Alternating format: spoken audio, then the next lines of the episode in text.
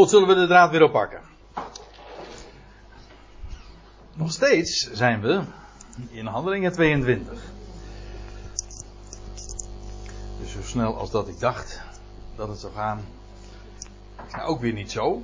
Maar we hadden het dus over uh, in die laatste verse over Paulus die dan de, de hoofdman over duizend terugfluit vanwege het feit dat hij een Romein is en dat hij dus helemaal niet gegezeld mocht worden. Hij herinnert hem daaraan. Uh, afijn, dat gesprek ontwikkelt zich dan en die hoofdman die zegt dan van ja, ik heb dit uh, burgerrecht voor een grote som geld verkregen. En Paulus die met nadruk dan zegt, maar ik ben zo geboren. Onmiddellijk dan, we gaan verder in vers 29, dan namen degenen die op het punt stonden hem te ondervragen, door middel van geesteling, afstand van hem. Want ja, nu waren zij natuurlijk wel zich ervan bewust, dit uh, was volstrekt illegaal. Ook de hoofdman over duizend echter werd bevreesd. Dus echt bang. Beseffend dat hij, Paulus, een Romein is. En dat hij hem had laten binden. Uh, zonder vorm van proces. Dus alleen dat al. En ik wees al eventjes op de, het, op handelingen 16 dat was toen Paulus in Filippi was. U weet wel, de bekende geschiedenis ook dat hij eerst gegezeld werd. Vervolgens werd hij in de kerker geworpen, in de, in binnenste kerk van de, van de gevangenis. En dat hij daar met Silas, uh, midden in de nacht, die lofzangen aan God uh, zong. En dat dan die aardbeving plaatsvindt. Afijn. En dan lees je later, de, de dag erop, staat er in vers 37 van Handelingen 16 dit. Maar Paulus zei tot hen, Uh, oh ja, op het moment dat ze dan eh, weggestuurd worden daar uit Filippi, dan, of weggestuurd, uh, ze worden vrijgelaten. Maar Paulus zei tot hen: Zij hebben ons, hoewel wij Romeinen zijn, kennelijk was Silas dus ook een Romein, uh, zonder vorm van proces in het openbaar gegezeld en in de gevangenis gezet. En willen zij ons er nu ongemerkt uitzetten? Geen sprake van. Laten ze zelf komen en ons eruit leiden. Ik moet, ik moet er trouwens wel iets bij zeggen. Want dit, dit klinkt uh, nogal nou, provocerend en misschien zelfs enigszins vreemd uit Paulus' mond. Die we toch kennen als iemand die zich die hij altijd inschikkelijk opstelde. En nu staat hij op zijn recht. Uh, moet u zich goed realiseren. Dit was ook om de, die Ecclesia in Filippi ook uh, daarmee te dienen. Want daarmee zuiverde. Door, door nu hier aanspraak op te maken. En doordat de Romeinen dan vervolgens hem, uh, hem met alle egaars hem weer laten gaan. Uh, zuiverde hij zijn eigen blaam, maar daarmee ook die van de Ecclesia in Filippi. Want ja, die stonden onder verdenking dat zij ontstaan waren door een stelletje oproerkraaiers. Nou, dat was helemaal niet aan de orde. Want dan lees je, en de boden die brachten deze woorden over aan de looflieden en deze werden bevreesd. Toen zij hoorden dat het Romeinen waren. En dan lees je dat ze vervolgens, uh, in de navolgende versen, dat ze inderdaad met, uh, met Paulus meegaan en hem uh, verzoeken, heel vriendelijk en en beleefd verzoeken of hij alsjeblieft niet naar een andere plaats zou willen gaan. Maar zich bewust ervan zijn dat, dat wat zij hebben gedaan illegaal was. Niet wat Paulus deed was illegaal. Maar wat zij hadden gedaan was illegaal. Dus ineens worden de kaarten helemaal uh, omgedraaid. En daarmee werd dus ook die gemeente van Filippi van blaam gezuiverd. En daarom uh, heeft Paulus dit ook heeft ook echt op zijn recht gestaan in dit geval. Trouwens, ja, je, leest dat, dat hij bij een andere gelegenheid dat ook doet. Als de situatie daartoe. Als dat dienstig was aan de. Ook met name uiteraard aan het doorgeven van de boodschap. Want dat was het, grote doel, het criterium voor Paulus.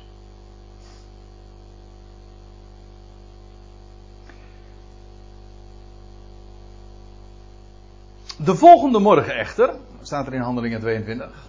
Dus dat was de dag uh, na Paulus' gevangenneming. Besloot hij, die, ho die hoofdman over duizend, het zekere te weten waarvan hij onder de Joden wordt beschuldigd. Want dat wist hij nou nog steeds niet. Hij had Paulus gevangen. Eh, Paulus was gevangen genomen. Hij zou, hij zou hem laten gezelen. Maar goed, dat, dat kon niet.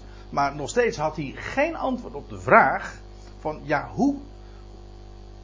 Wat is nou het conflict? Hij begreep het nog steeds niet. Hij besloot het zeker te weten waarvan hij onder de Joden wordt beschuldigd. Hij had tot dusver alleen maar Paulus' versie en verhaal uh, kunnen horen. En hij maakte zijn boeien los en beval de hoge priesters en heel het Sanhedrin bijeen te komen. Moet je nagaan wat voor autoriteit deze officier had. Want daarmee uh, blijkt dus dat hij inderdaad het bevel voer over, over Jeruzalem. Als uh, Romeins officier.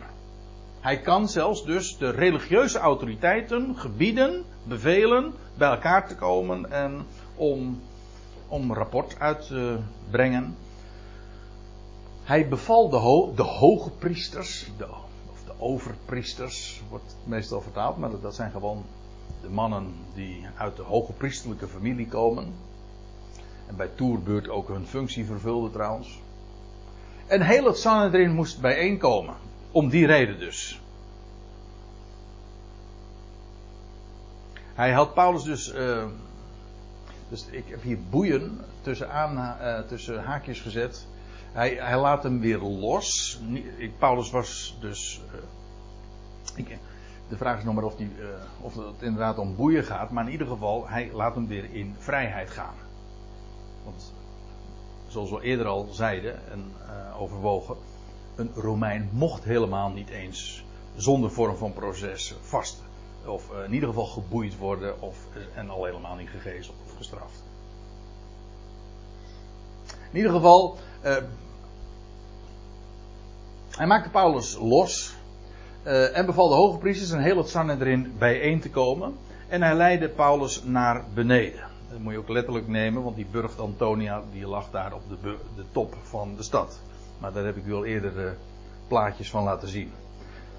Hem stellend te midden van hen. Dat wil zeggen, die volgende morgen wordt dus Paulus daar naar het Sanhedrin gebracht en wordt daar in, uh, hij staat daar tot in hen. Hè. En uh, het verhaal gaat dan dat zij vergaderden als een Zoals trouwens onze Tweede Kamer tegenwoordig ook, hè, in een halve cirkel. En Paulus staat dan dus in het midden als hij het woord voert. En dan komen we, ja ja, handelingen 23. Dan staat er Paulus echter, aandachtig kijkend, de ogen gericht, uh, naar het Sanhedrin, zij, mannenbroeders. Uh, eigenaardig trouwens, dat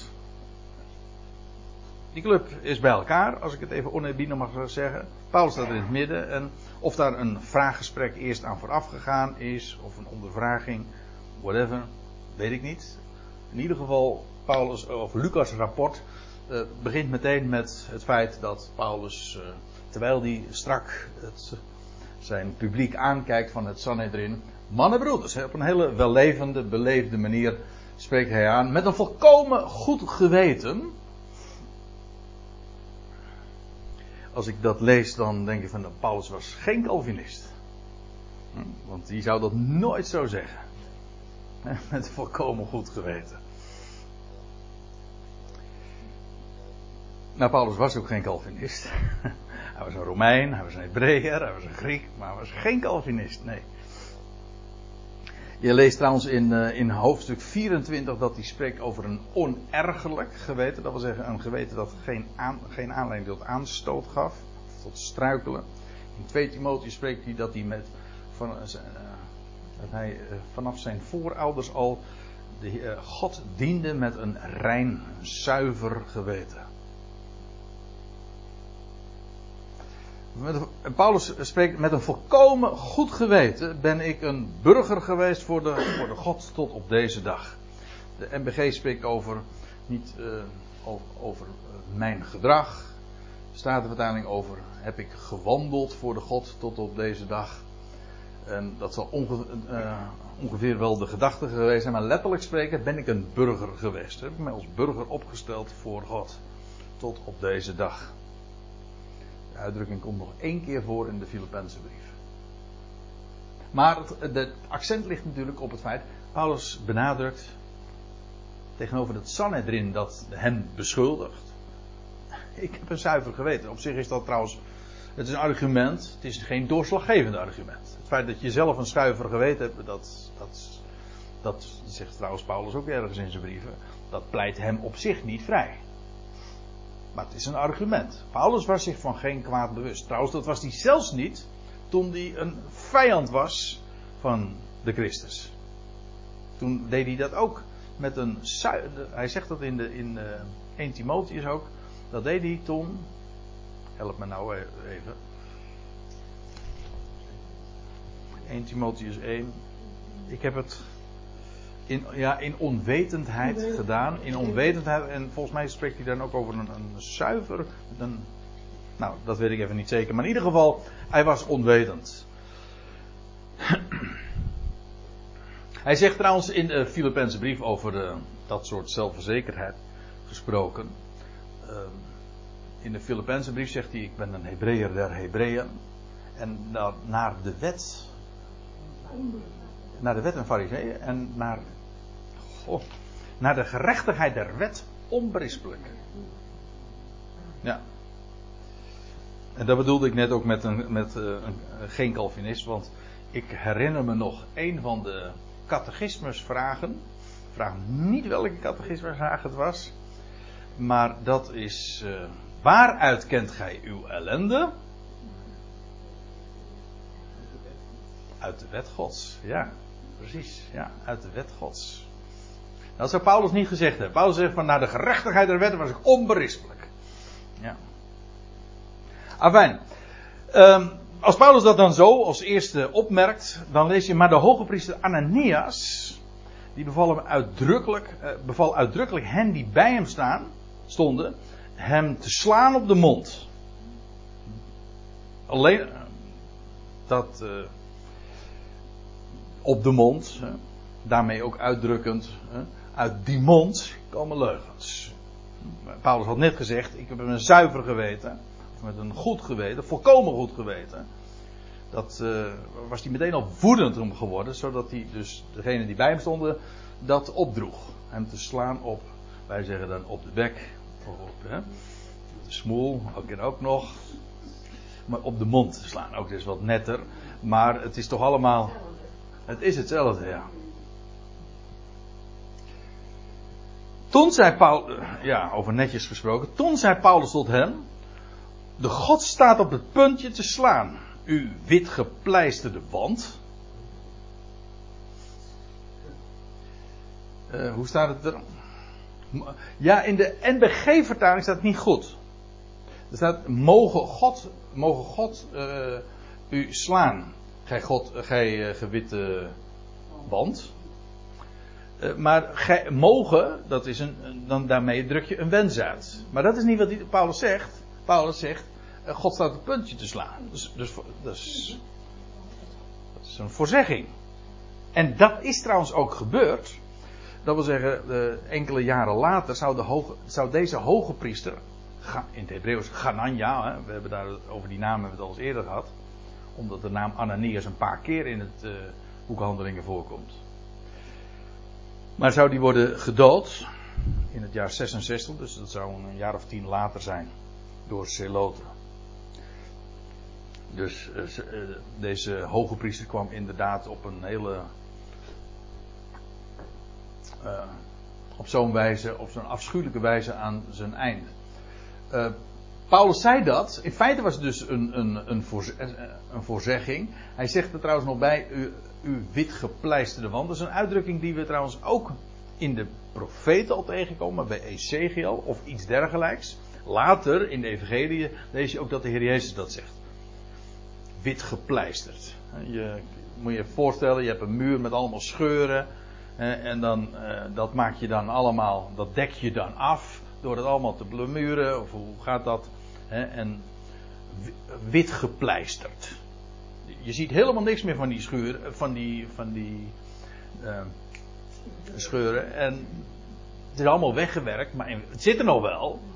Alleen je ziet het niet meer. Het is allemaal mooi weggewerkt. Wit gepleisterde wand. Nou, dat is wat, uh, wat, wat Paulus tegen hem zegt. En hoezo? Nou, hij zegt: U zit mij te, te oordelen naar de wet. En u beveelt mij in strijd met de wet geslagen te worden. Nou, dat is dus wit gepleit. Dat is hypocriet. Toch? Iets, uh, iemand beoordelen. In, met, hè, met als criterium de wet. En zelf die wet te, te negeren. En te overtreden. Nou.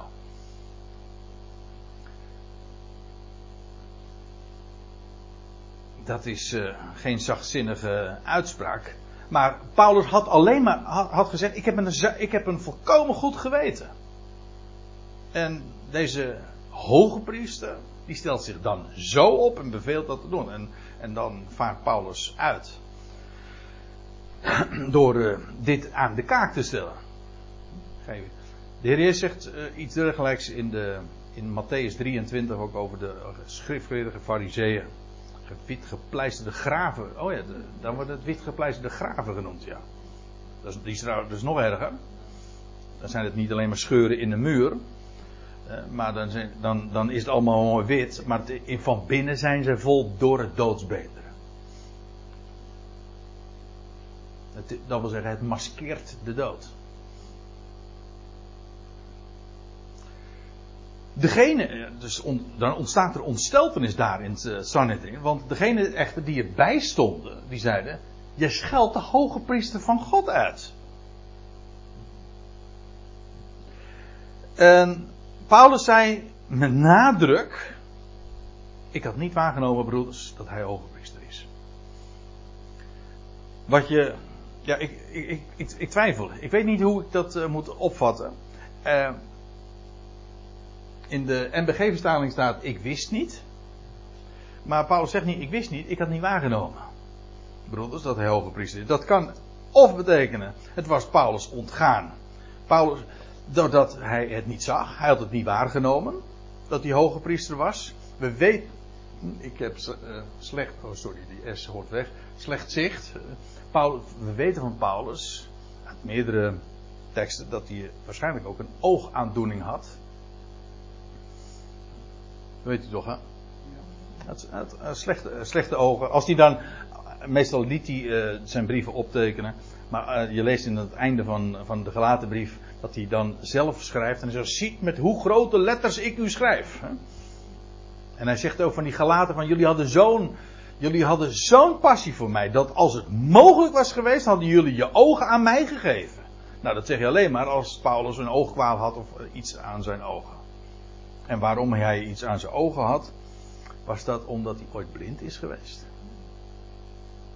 Maar verblind is geweest door dat licht. Dat zou wel een hele opmerkelijke uh, link zijn. Maar het zou een reden kunnen zijn dat Paulus ja, ik had niet waargenomen, omdat Paulus gewoon een slechtziend man was. En dat hij dus niet zag dat hij, dat hij het met uh, de hoge priester van doen had. Die hoge priester die hij overigens kende. Paulus was zelf vertrouwd ook met, uh, met dat gezelschap en met allerlei personen. Maar hij had niet waargenomen dat hij hoge priester was. Maar het kan, dat kan een, de gedachte zijn. De andere gedachte, en dat is dat hier ironie spreekt. En Paulus zegt van nou, ik had niet waargenomen dat hij hoge priester is. Dat is toch niet te zien aan hem. Als je je zo opstelt, dan ben je voor mij geen hoge priester. Zo.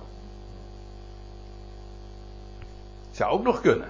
Ik heb dat, dat u hoge priester bent. Nou, dat kan ik niet zien.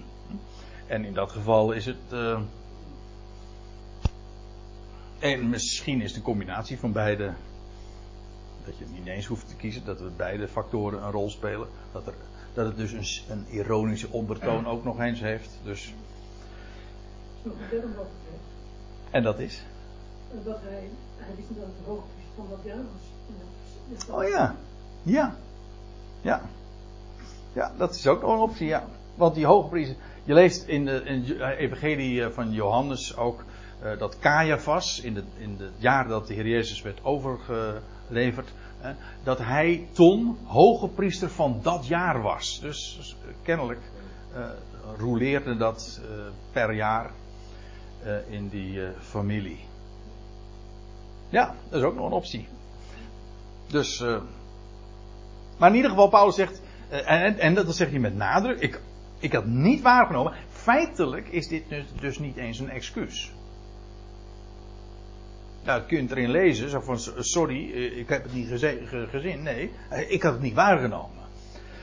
Uh, broeders, dat hij hoge priester is. Uh, als hij het had waargenomen, dan staat er, want er is geschreven, en dat is een citaat, volgt nu uit Exodus 22, Septuagint, van een overste van, van je volk zul je niet op een kwalijke wijze spreken. Dus als hij dat waargenomen, dan had hij dit zo niet gezegd.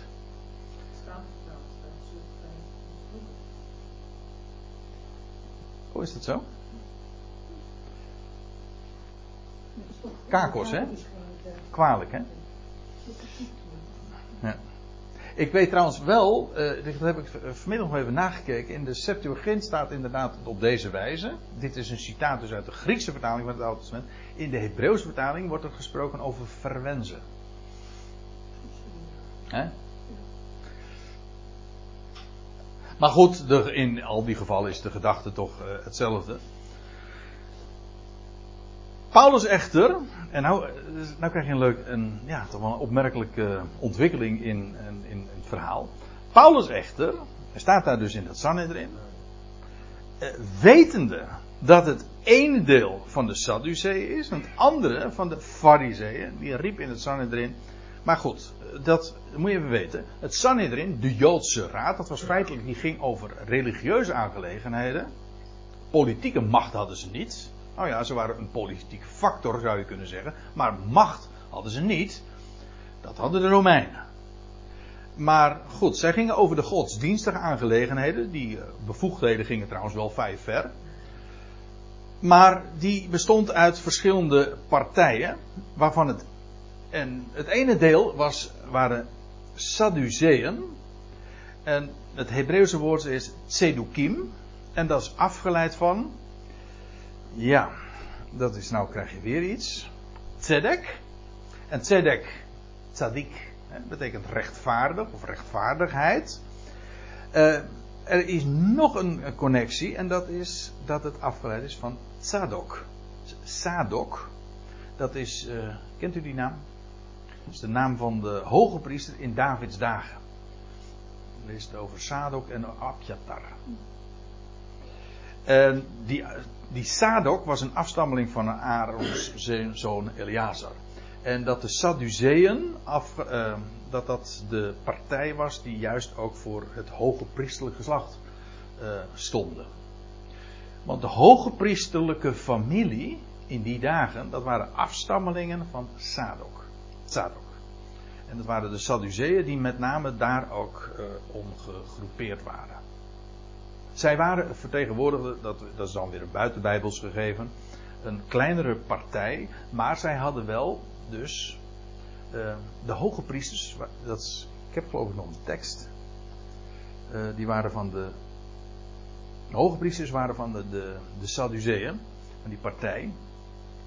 Uh, je leest dan in Handelingen 4. En terwijl zij, de, de twaalf apostelen, tot het volk spraken, overvielen hen de, de priesters de hoofdman van de tempel en de Sadduceeën. Uh, zeer verontwaardigd omdat zij het volk leerden en in Jezus de opstanding uit de doden verkondigden. Nou, die Sadduceeën moesten daar niets van hebben. Van opstanding uit de doden, dat zullen we straks ook nog zien.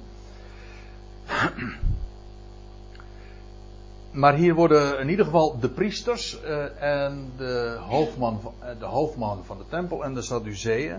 Maar ik bedoel eigenlijk nog een tekst, dat is handelingen 5. Daar staat, maar de hoge priester stond op en allen die met hem waren, de zogenaamde partij van de Sadduceeën. En zij werden vervuld met, heb je het weer, naijver. jaloezie. Maar het gaat me even om, nu even om dit gegeven, dat de hoge priester, die, wordt, die staat in connectie met de partij van de Sadduceeën. De secte van de Sadduceeën. Ik moet er dan bij zeggen, het woord secte heeft in de Bijbel niet die klank die het bij ons heeft gekregen. Het is gewoon een partij, een, een richting.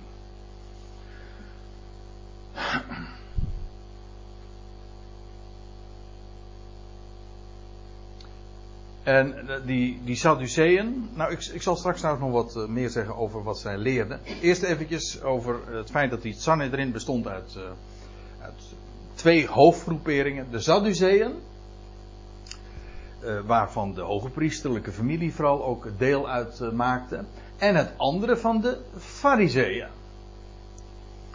En die Fariseeën, dat is, komt ook uit het Hebreeuws parousim en dat betekent afgescheiden, apart gezet. Je leest in het Johannes-evangelie ergens dat de fariseeën zeggen, uh, zich heel smadelijk en verachtelijk uitdrukken, uh, uitlaten over de scharen die de wet niet kent. Zij stonden daar apart van. En we kennen een, eh, een hele bekende fariseer, ja, behalve Paulus zelf natuurlijk. Maar uh, Gamaliel, een zekere fariseer in, de, in de raad, het Sanhedrin, genaamd Gamaliel, een wetgeleerde. Die was een ere bij het hele volk. Handelingen 15, daar lees je. Maar er stonden uit de partij van de Fariseeën enige op die gelovig geworden waren en zeiden dat men hen moest besnijden en gebieden de wet van Mozes te houden. Het was met name die richting die dus er ook voor die pleidooi voerde dat de gelovigen uit de natieën verjoodst moesten worden. De sabbat moesten houden, besneden moesten worden, de Joodse gebruiken moesten aannemen, etc. Het waren allemaal mensen die kwamen, afkomstig waren uit de partij van de Fariseeën.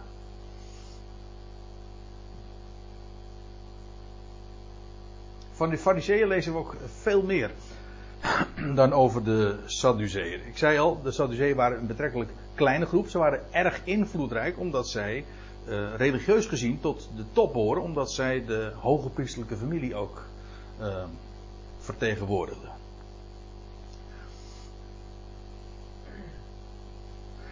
Goed, Paulus staat er dus in het, uh, voor het Sanhedrin en hij mag zich verantwoorden.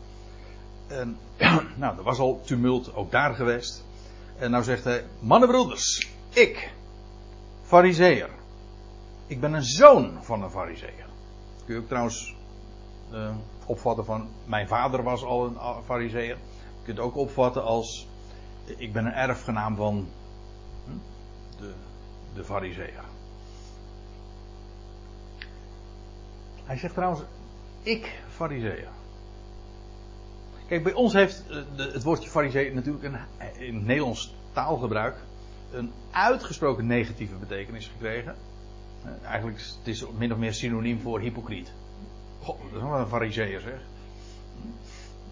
Dat is geen, dat is geen, uh, geen compliment als je dat maakt.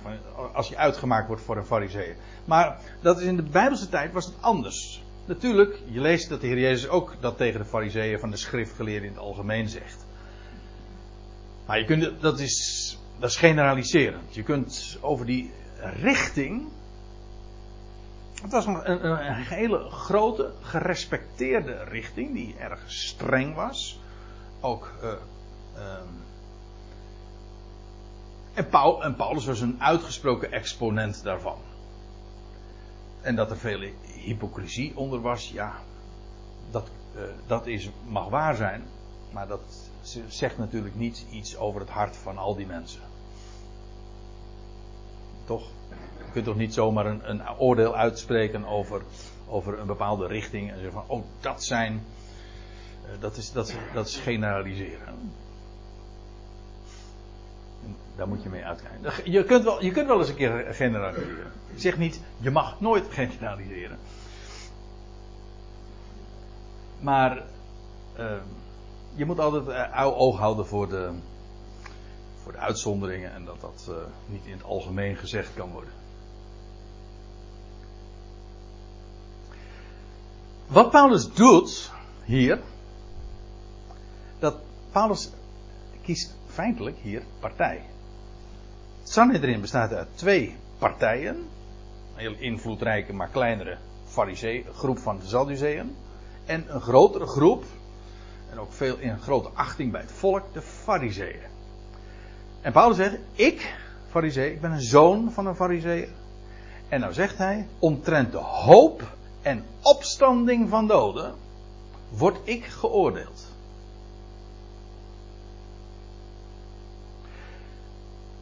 Hij, hij noemt de naam van Jezus niet eens. Uh, kijk, Paulus wist uh, dat hij natuurlijk hier ook, uh, met alles wat er nu al had plaatsgevonden daar in Jeruzalem, wist hij dat er, er was geen eer meer aan te behalen. Had de Heer ook tegen hem gezegd. Wat hij wel kon doen, is in ieder geval zeggen: dat wat ik beweer en wat ik vertel en waarop ik beoordeeld word, is een item waar in ieder geval een groot deel hiervan het Sanhedrin en mee instemt. Hij sluit zich hier maximaal aan bij zijn publiek. Dat doe je als spreker, als, ik denk dat uh, elke spreker dat, uh, als je mensen wil winnen, doe je dat. Toch? Als. Ja, ik, uh, ik denk bij mezelf dat als je voor, als je voor een groep Calvinisten, we hadden het net, daarnet over, spreekt, ja, dan is het, dan is het heel handig ook. En ook publieksvriendelijk, als ik het zo mag zeggen, om, om bijvoorbeeld binnen te komen, ook al ben je zelf geen Calvinist, om binnen te komen met een citaat van Calvijn. Want daarmee heb je, daarmee heb je meteen de connectie. Aha, je stemt, je stemt in met, en bovendien, je sluit je aan op, zo, op iemand die bij ons gezag geniet. Nou, Paulus zegt, ik ben een fariseer. Ik ben een zoon van een fariseer. Hij zegt, en ik geloof in datgene wat jullie, voor het grootste gedeelte in deze, dit Sanhedrin, daarvoor staan. De opstanding van doden. Hij zegt, en daarop word ik nou veroordeeld, of geoordeeld. Nou, onder het motto verdeel en heers. Hè? Toen hij dit echter, echter dit zei, ontstond er oproer van de fariseeën en sadduceeën en de menigte werd verscheurd. Want toen ineens had, was Paulus een van de fariseeën en dus had hij de sadduceeën in het harnas.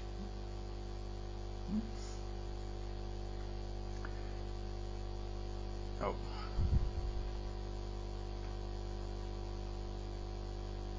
Ja, want staat er, hoezo? Nou, want Sadduceeën inderdaad zeggen dat er geen opstanding is. Dat is een van de dingen. Eh, in het algemeen, ik, ik heb vroeger uh, de gedachte vaak gehoord, of vaker gehoord, dat uh, ja, je had, zoals we in de christelijke wereld spreken over, je hebt vrijzinnigen en je hebt de orthodoxen.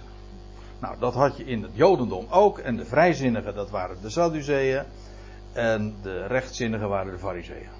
Dat is leuk gevonden en ik begrijp ook waarom, omdat die Sadduceeën, uh, die geloofden niet dat er opstanding was. Maar ik moet er bij zeggen, dat was niet omdat ze vrijzinnig waren of progressief.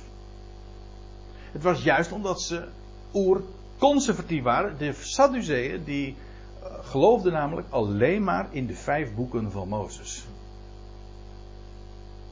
Nog steeds. Hè? Nog steeds. En nu nog steeds. Deze richting. Feitelijk de huidige Samaritanen die zeggen dat ook. Die geloven ook, die claimen ook alleen te geloven in de vijf boeken van Mozes. En al het andere zeggen zij dat is nieuwlichterij.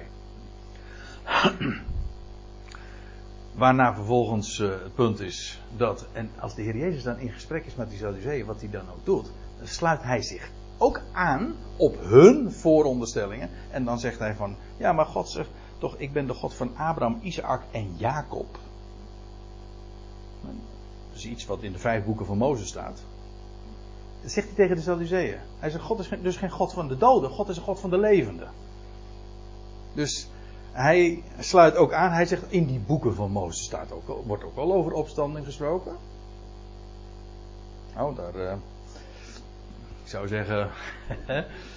daar zullen we maar niet over uitweiden, want er zijn zo enorm veel. Elke bladzijde getuigt ervan. En, uh, Paulus zegt. Uh, hoe staat het in Hebreeën 11? Dat Abraham die geloofde ook in opstanding. Toch? Hij, geloof, hij zegt van. toen die Isaac offerde. Trouwens, het loutere feit dat hij Isaac verwekt werd, hè, was leven uit de dood al. Nou ja, de hele, de, die boeken van Mozes staan vol van opstanding. Maar goed, die Sadduceeën die, die lazen dat uh, met een hele donkere bril op. En die, heb, die ze hebben dat niet gezien. En in ieder geval, zij, zij, zeggen dat er geen opstanding is. Lees je al eerder trouwens in de Evangelie. Hè, dan lees je, uh, op die dag kwamen enige Sadduceeën tot hem, de Jezus. Die beweren dat er geen opstanding is. En zij ondervroegen hem komen ze ook met een strikvraag, weet je nog. Maar in ieder geval, zij geloven dat er geen opstanding is. Nog boodschapper, nog geest. Dat wil zeggen, een, in de zin van een engel dus.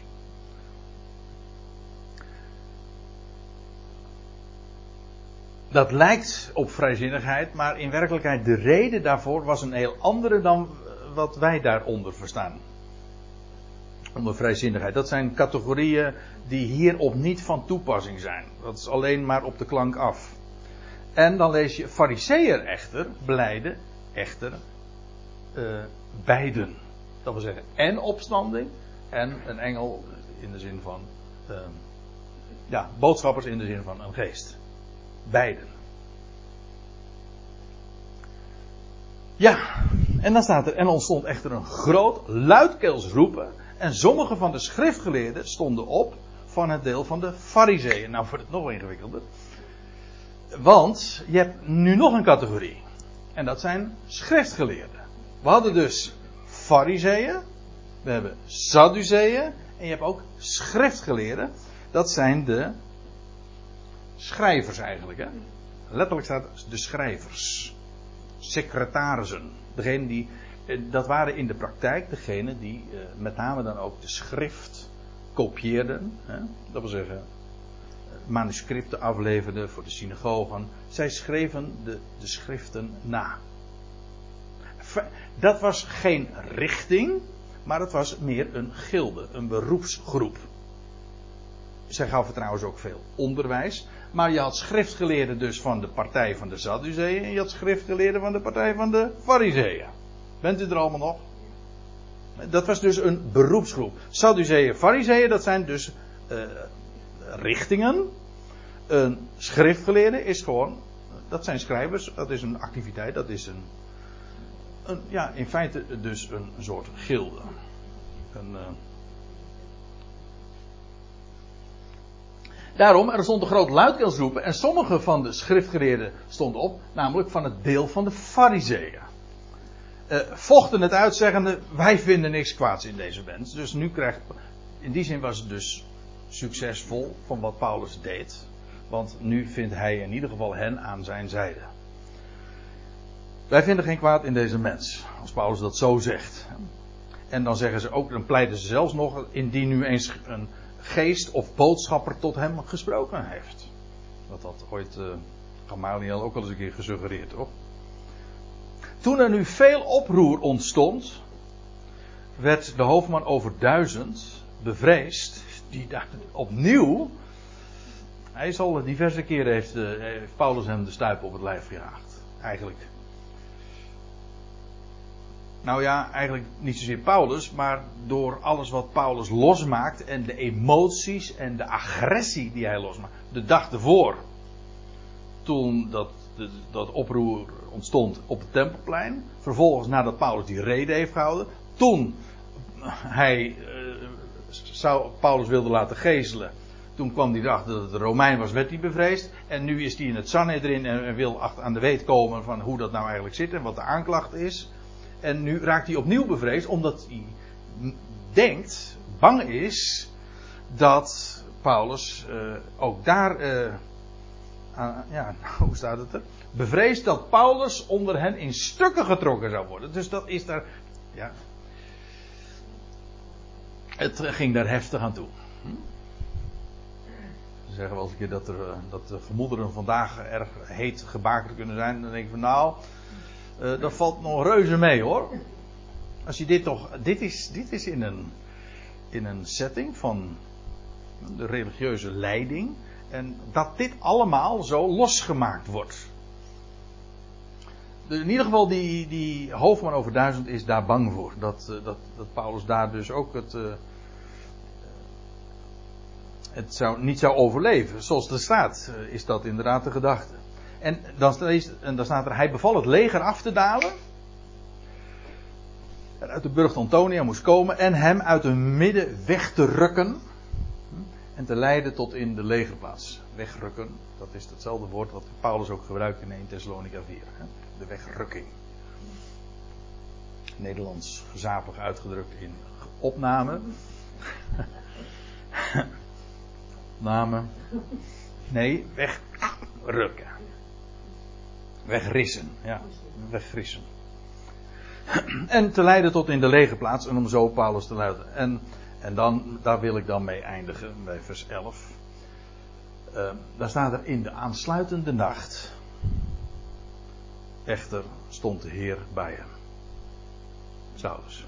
Ik kan me zo voorstellen. Moet je even, even, even proberen te verplaatsen in, in Paulus' situatie. Hij is daar in Jeruzalem. Hij wist al van tevoren wat hem daarover kwam, maar hoe turbulent allemaal. De laatste twee dagen al geweest waren. En nou ja, net dat gebeuren in het Sanhedrin. En ja, daar had hij natuurlijk uiteindelijk ook helemaal geen succes. Hij heeft daar het, het beste kunnen doen. Hij heeft gesproken over de opstanding. Hij zegt dat is het. Maar hij heeft verder niet kunnen spreken over dat wat hij werkelijk had te melden. En dan in de aansluitende nacht echter stond de Heer bij hem en zegt: Zij, hou moed. Houd moed. Dus een paar keer lees je dat in de. Dat dat uh, gezegd wordt, ook in het boek Handelingen. Houd moed.